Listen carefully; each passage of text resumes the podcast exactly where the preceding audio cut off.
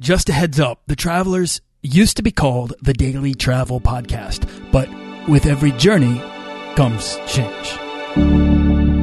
This podcast is produced by Holocene, a community of creative travelers. If you want to get serious about planning that next trip, writing that book, starting that creative project, or launching that business, we're breaking down the barriers between where you are where you want to be together at joinholocene.com. That's join, H O L O C E N E.com. Today I'm discussing a better life for half the price with Tim Leffel. You want to travel further and more often to visit new places and meet new people and expand the role that travel plays in your life? I'm your guide, Nathaniel Boyle, an explorer that wants to help you get out, see the world, and find meaningful, life changing experiences. Everyone wants to be adventurous and have great stories, to do the stuff of legend. This is the Daily Travel Podcast.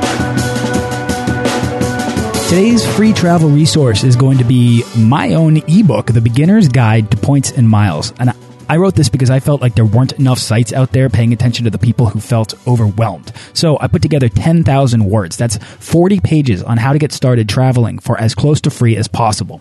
This podcast is about crushing the things that prohibit us from making travel a bigger priority in our lives, and cost is at the top. Points and miles are the best way I know to get over that hurdle and become an explorer of the world.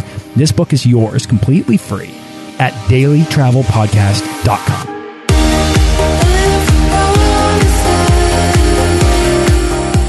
Tim Leffel is a writer, author, editor, and publisher of travel and business books and multiple websites, including Cheapest Destinations uh, blog and his upcoming book, A Better Life for Half the Price, all about living abroad for less, which is what Tim does himself. So he is here to lay it all down for us. He's also published The World's Cheapest Destinations, 21 Countries, Where Your Money is Worth a Fortune, Make Your Travel Dollars Worth a Fortune, The Contrarian Travel's Guide to Getting More for Less, and Travel Writing 2.0, Earning Money from Your Travels in the New Media Landscape. Are you sensing a pattern here? I am. It's that Tim knows what he's talking about. I mean, this is a library of work from one man who manages to do all of this uh, on the road himself. Uh, he's an expat and he's a traveler and he's a writer and he's here to talk about how we got into this crazy world and how you might be able to as well. So, Tim Leffel, thanks so much for coming on the show. Hey, thanks for having me. And I guess the other pattern is in there is uh, I'm a cheapskate, as you might have figured out. But anyway, oh, we'll say you're a budget travel expert or ninja or something that sounds a lot cooler than cheapskate. Um, okay. So Tim, uh, I gave a, a, brief overview of the things that you've done, but not much on who you are. So if you could just take us back to where you're from and how you got started traveling. Sure. Well, I'm one of those people that got kind of a late start in traveling. I went straight out of college into the corporate world and um, but it was a fun corporate world. I worked for RCA Records for 7 years in Nashville and New York and when I was in New York I met this woman who I really fell in love with and she said I want to go traveling around the world. And I said whoa, I just got this promotion. You know, I'm in this job. I bought a condo and, uh, you know, it was looking like, uh, I had this dream job and I wasn't really ready to take off. And she said, well, I'm going to go whether you go or not. And, um, and then all of a sudden I ended up getting fired from my job because my boss and I hated each other and she got laid off from her job. And then we said, well, if we were waiting for a sign, I guess this is it. And so, we went traveling around the world for a year, and then that one year uh, after we came back and saved some more money turned into two more years, and we taught English in Turkey and Korea.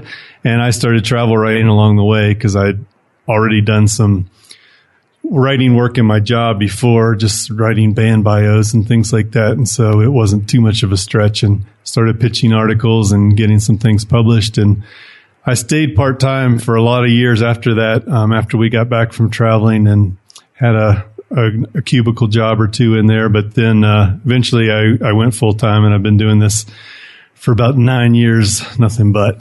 Wow. All right. So when you turned your one year trip around the world into two more years, uh, at what point on that trip did you guys begin to realize that this might continue on for uh, I, I, assume you didn't set two more years, but that you would continue going and not just return to where you were in New York before. Yeah, and actually, we never did return to New York, which is kind of the funny part. I guess we didn't have any job reason to be there, so we said, "Why pay this much money and live there?" Um, so, but yeah, it's funny when you take off for a year long trip around the world. A lot of your listeners have probably experienced this, uh, where your friends and family go, "Wow, what a you know what an experience of a lifetime," and you know you'll have something to talk about your whole life, and then we're sitting there thinking, "Well, we're I don't think we're done yet." exactly, exactly. And um, I mean, part of it was economic. You find out how much cheaper it is to to you know go sit on a beach in Thailand than it is to sit in your house in uh, a typical U.S. city or European city, and it, it's really enticing to keep living that life and keep it going. And um, you can get by on not a whole lot of money. You know, it's it helps if you have savings, of course, a decent amount. But what we did um, when we taught English, that really kind of uh, upped our our uh, coffers, I guess you would say, really put a lot more money into our coffers, especially the second time we were teaching in Korea, where you can really make a lot. And um, we we basically saved enough in one year to travel for another year and then come back to uh, 15 grand sitting in the bank. So that was definitely a good move. But really, what stopped the traveling for a while was um, my um, now wife's motherly impulses, and so um, she wanted to settle down and have a baby, and um, so that's what we did, and that's when I wrote the first edition of the world's cheapest destinations. It's now in its fourth edition now, but um, I had a lot of time on my hands and not a lot of traveling uh, in to do for a while there because when you have a new baby, as you know, it's a lot of uh, home time and seeing the relatives time. You're not exactly uh, you know, going to hop on a plane and head to Chile or something. So that's when I did the first edition of the book and started marketing it. And, uh, that's really kind of what launched my, um, personal brand, I guess, because then I started getting into the media and then I started the blog and that's where things kind of snowballed from there. So around what year did you publish that book? Uh, the, the very end of 2002 and I started the blog in 2003. So I'm kind of a pioneer in that as, in that respect. I guess there weren't a whole lot of travel blogs out there. In fact, I think I knew all the other budget travel bloggers at that point. There were probably about eight or 10 of us and that was it. yeah. Most people didn't know what a blog was back then. Um, there weren't, weren't a lot of readers either. So it's all a trade off.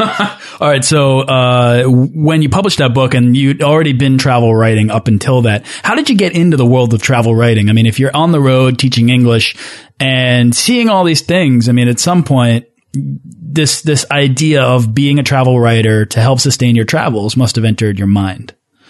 Yeah, and that's when I, I just started pitching, sending query letters to editors with ideas, and um, it's kind of easier sometimes to do that before you get somewhere. But I did some of them afterwards too, and then I also hooked up with this editor of a trade publication where I was reviewing hotels and um, that turned out to be a really good gig because it, it, paid fairly well for at least if you're on a backpacker budget, and it also um, enabled me to get hosted here and there in some hotels. So I would go from staying at the $5 hovel to staying at this, uh, Rajasthani palace in India now and then. So that was a real treat when, when you're used to living out of a backpack.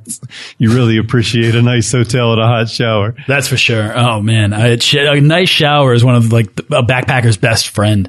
Um, just like new a new fresh bar soap or some like shampoo that doesn't smell like Dr. Bronner's. Um, how uh, uh, how have you seen the travel writing industry change then since you got started back then? Because today it's this um, it's this this massive thing, and some people say that we're in a golden age, uh, and I'm wondering if you agree. Yeah, I do agree. I think it's a whole lot better now than it was back then for a lot of reasons. Um, logistically, it was a royal pain in the butt, to be honest, because you had to physically mail a query letter to an editor with a self-addressed a self-addressed stamp inside it, stamped envelope. I mean, so I'm kind of dating myself here, but you also had to send um, uh, Kodachrome or Ektachrome slides. Oh wow, that's, that's how you illustrated a story. And so sometimes I was sending this stuff from Bangkok or, you know, Istanbul or somewhere and just praying it would get there.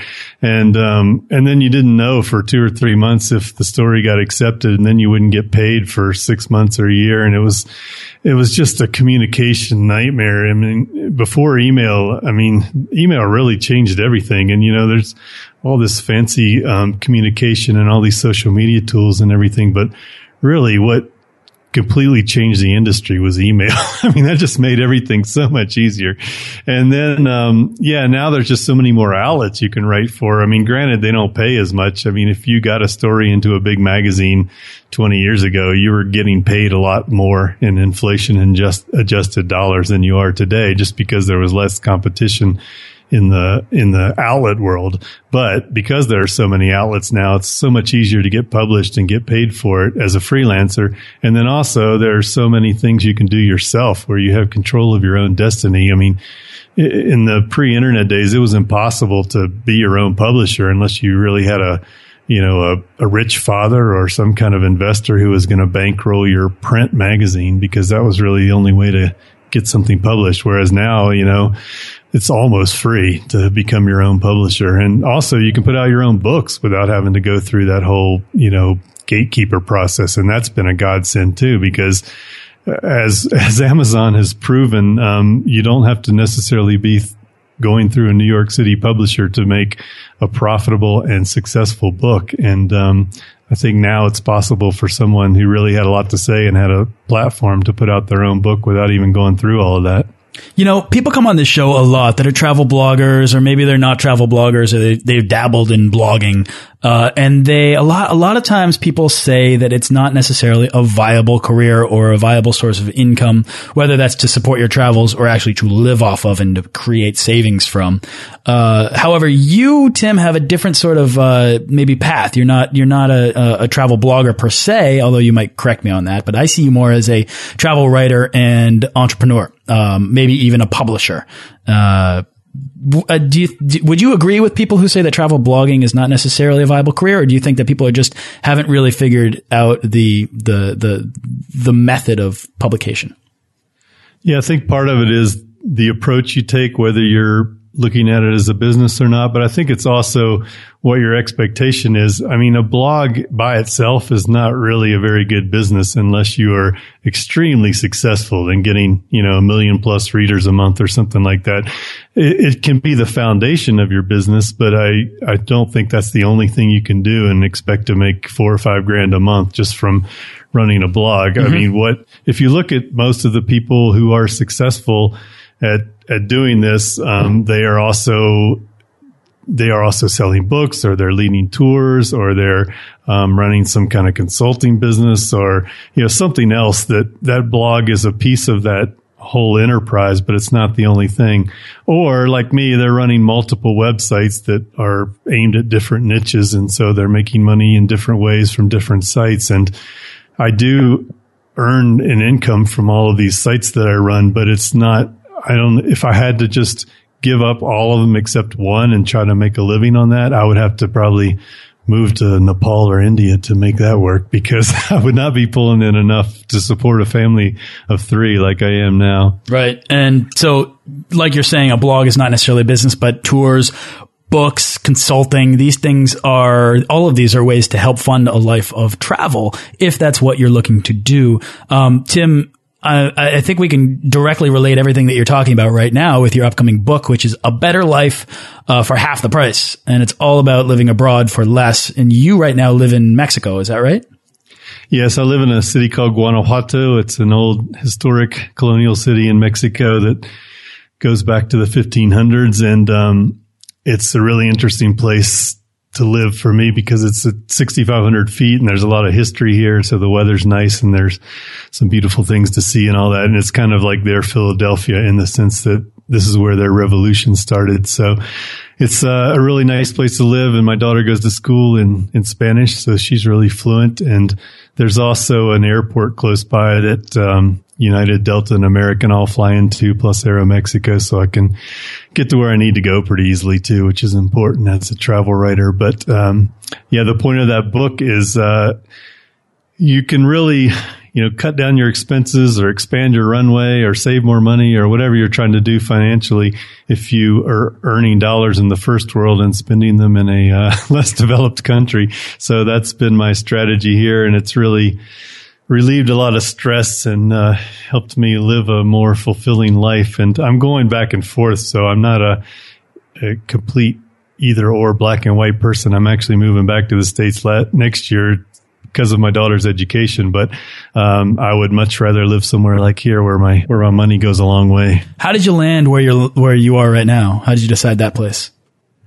Well, like a lot of travelers, I'm always kind of looking around going, hmm, I wonder if I could live here when I travel somewhere. And, uh, I came down here on a travel writing assignment. I, I came to here in San Miguel de Allende to review hotels and, um, I didn't really like San Miguel de Allende that much. It's a very beautiful place, but there's a lot of foreigners there, probably like a quarter of the population, whereas this city is very, very much a Mexican city. And so, um, and I just, I really just loved the place when I moved here, but I wasn't sure, you know, just because I felt that way, I wasn't sure my family would. So we came down here and did a trial run for a month um, the following summer and took some Spanish lessons, and everybody liked it. So we ended up moving here. And um, there are other places I could probably live, but the other advantage, like I was saying, is it's not very hard to get back to the states from here, and I've got both my parents are alive, but they're getting older, and so I wanted to not be real far away. I, I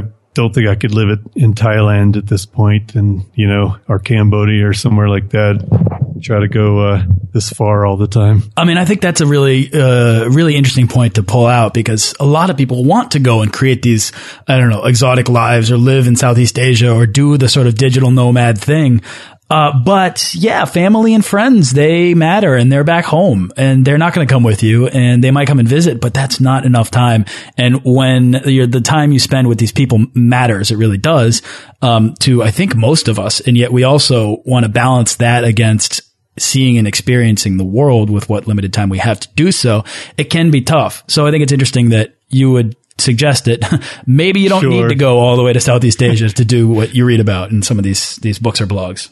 Well, it also depends too on what you're doing for a living. Um, if you have any kind of job where you have to talk to people on the phone or even do an interview like this, like you and I are doing, it's a whole lot easier if you can be in relatively the same time zone. And so if you're living in Latin America and you're American, that's a whole lot easier than trying to live in, um, you know, Southeast Asia somewhere. And, and at the same time, if you're European and you've got clients back in England, it's probably easier for you to live somewhere else in Europe or North Africa or whatever, um, than it is for you to try to live in, um, Quito, Ecuador. You know, it's just, uh, if you, unless you are able to be completely disconnected, it, it, there are advantages to being, uh, to not being 12 or 14 hours away. Yeah, so it all comes down to the goals that you have, which is the work that you need to do or the culture that you want to explore and become a part of.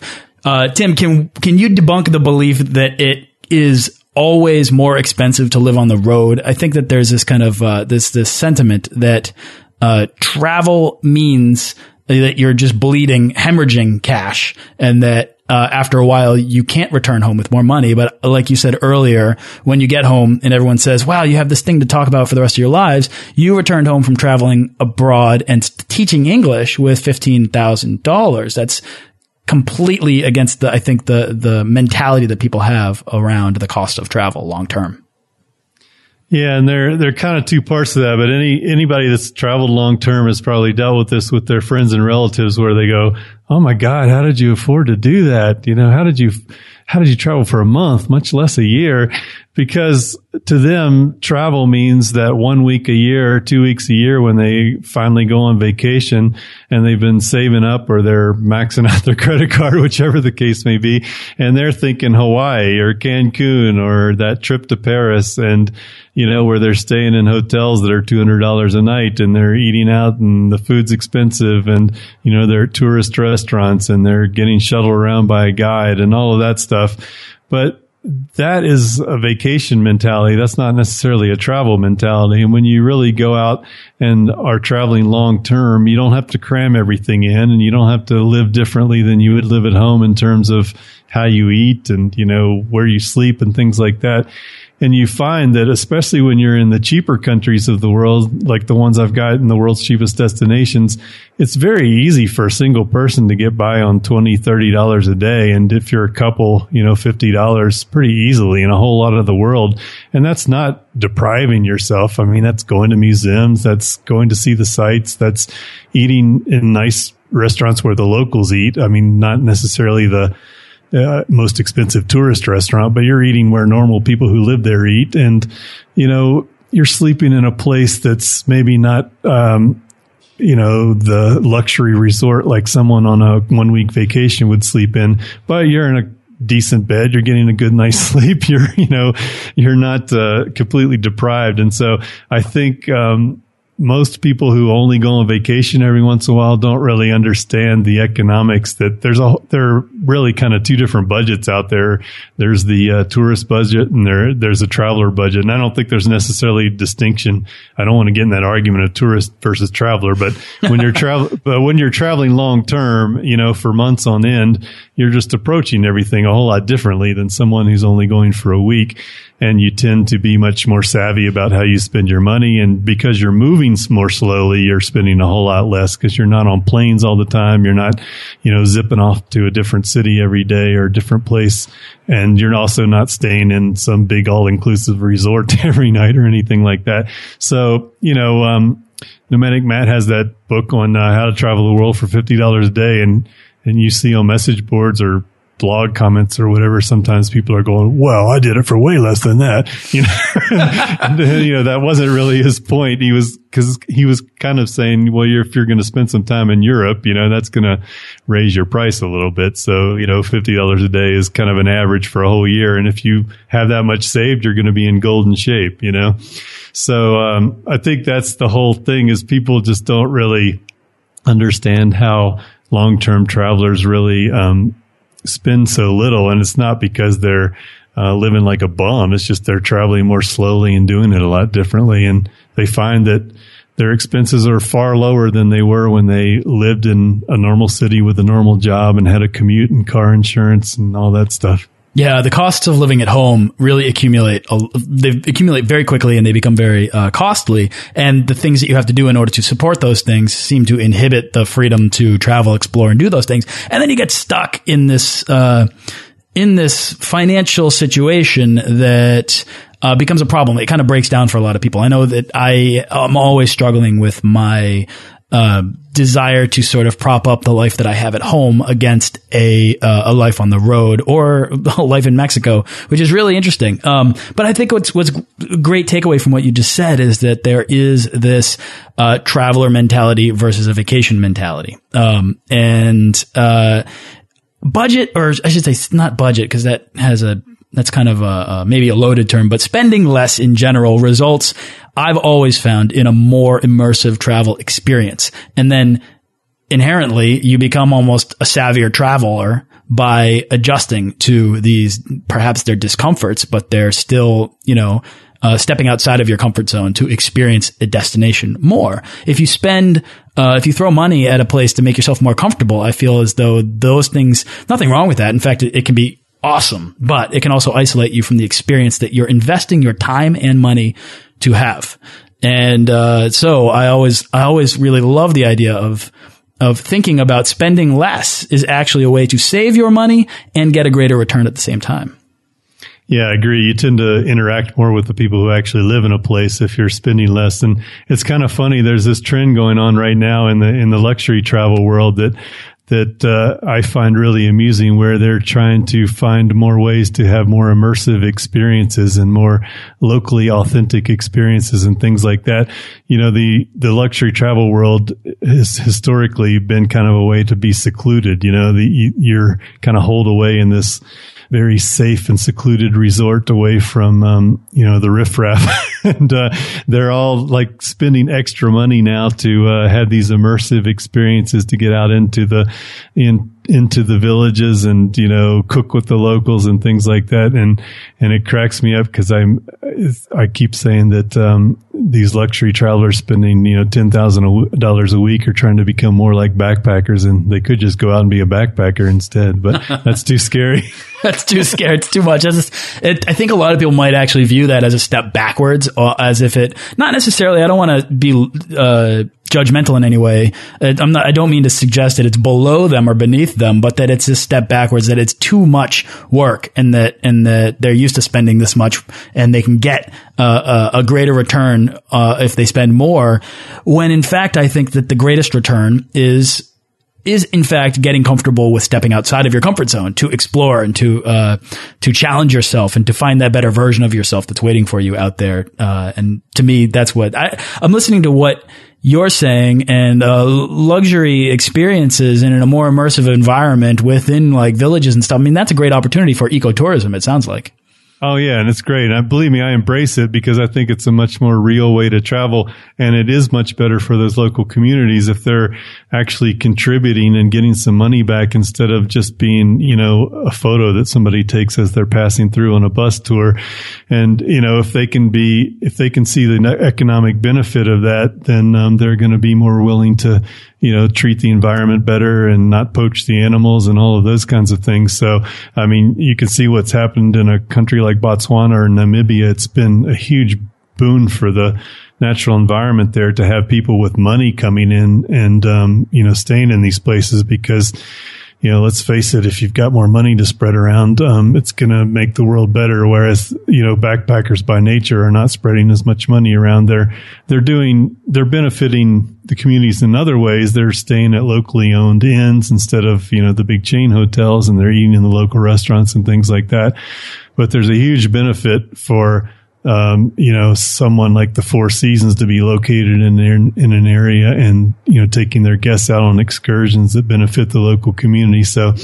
I'm not against that by any means. I just think it's kind of um, humorous to see it going in that direction, and uh, but I think it's a good thing all around. I think travelers in general are getting much more sensitive and more environmentally conscious, and that's going all the way up to the top, which it didn't used to before and um, that's a good thing all around. I agree. All right, so Tim, but your focus is on the budget traveler or the person that's trying to spend uh, less money and more time overseas. So what's let's let's get back into your your book. What's one um, you know something actionable maybe that we haven't thought to discuss that your book covers? Well, I think um, the the main thrust of that book is I think people are kind of locked into their comfort zone a lot, and they think um, the only way my life is going to get better is if I either make more money or I drastically cut back my expenses by you know cutting out everything I enjoy. and uh, my my point to this is if you can just kind of step outside of that and and look, there may be another way, and um, by moving to a place that's that's less expensive, you immediately drastically improve your finances just because you're not laying out as much money every month for what you're laying money out on. And a lot of those things just kind of fall by the wayside. This is true for a long term traveler too. A lot of those expenses fall away in terms of um, car insurance and, you know, just having the maintenance of a car and your rent's going to go down. You're not going to have as many bills um, coming in each month for utilities and the healthcare thing is huge for Americans. I mean, for a lot of self-employed Americans, especially, that's 20% of their income easily for, uh, health insurance and related, you know, healthcare expenses that they're laying out of, out of pocket for. You can get a, year long travel insurance policy for a thousand dollars or so. So if you compare that to what you're paying you know, every month on health insurance, even if you've got a decent job, a lot of times you're still paying hundreds of dollars a month. Yeah. And so, um, you know, a lot of those expenses fall away and then just your day to day expenses go down, whether it's eating out or taking a taxi or a local bus or whatever. And so the reason I called it a better life for half the price, because I think both of those parts are important. You are easily lowering your expenses by half, but also you can have a better life in the process because you know, maybe you're getting more exercise, you're eating healthier, you're going out more and enjoying yourself more. And there's less, less of that buy, buy, buy consumerism stress that you get. Um, I just spent the weekend in the U.S. actually, and I did a lot of shopping. I was going back to see a relative, and whenever I go back, I buy lots of things that I can't get in Mexico or that are a lot cheaper in the U.S. And it's amazing to me, like every time I go back, how much of a sport shopping is. Like retail is just like it's you it's so pervasive like all the tv ads the radio ads the billboards you know and it's just this constant um, in your face message that you should be out buying something right oh. now.